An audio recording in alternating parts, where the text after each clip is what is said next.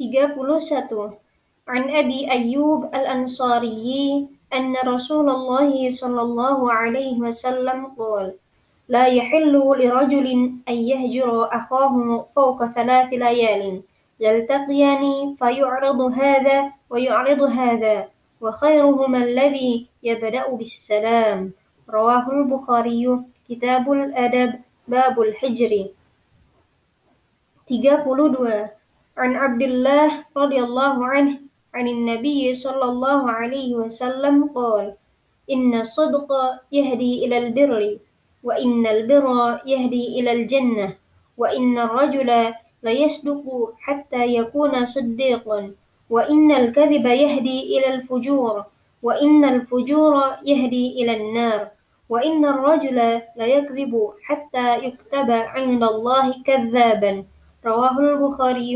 كتاب الآداب. باب قول الله تعالى يا أيها الذين آمنوا اتقوا.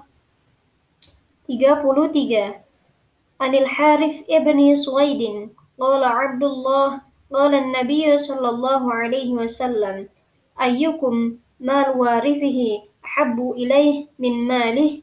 قالوا يا رسول الله ما منا أحد إلا ماله أحب إليه.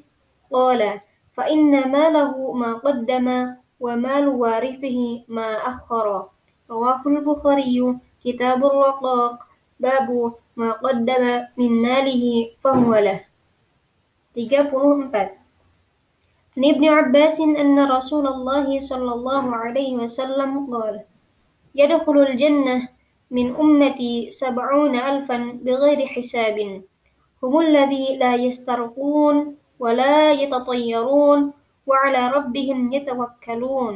رواه البخاري كتاب الرقاق باب ومن يتوكل على الله فهو حسبه.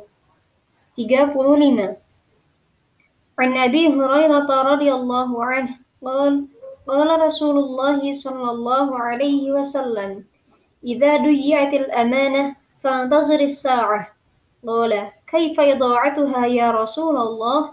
قال إذا أسند الأمر إلى غير أهله فانتظر الساعة. رواه البخاري كتاب الرقاق باب رفع الأمانة.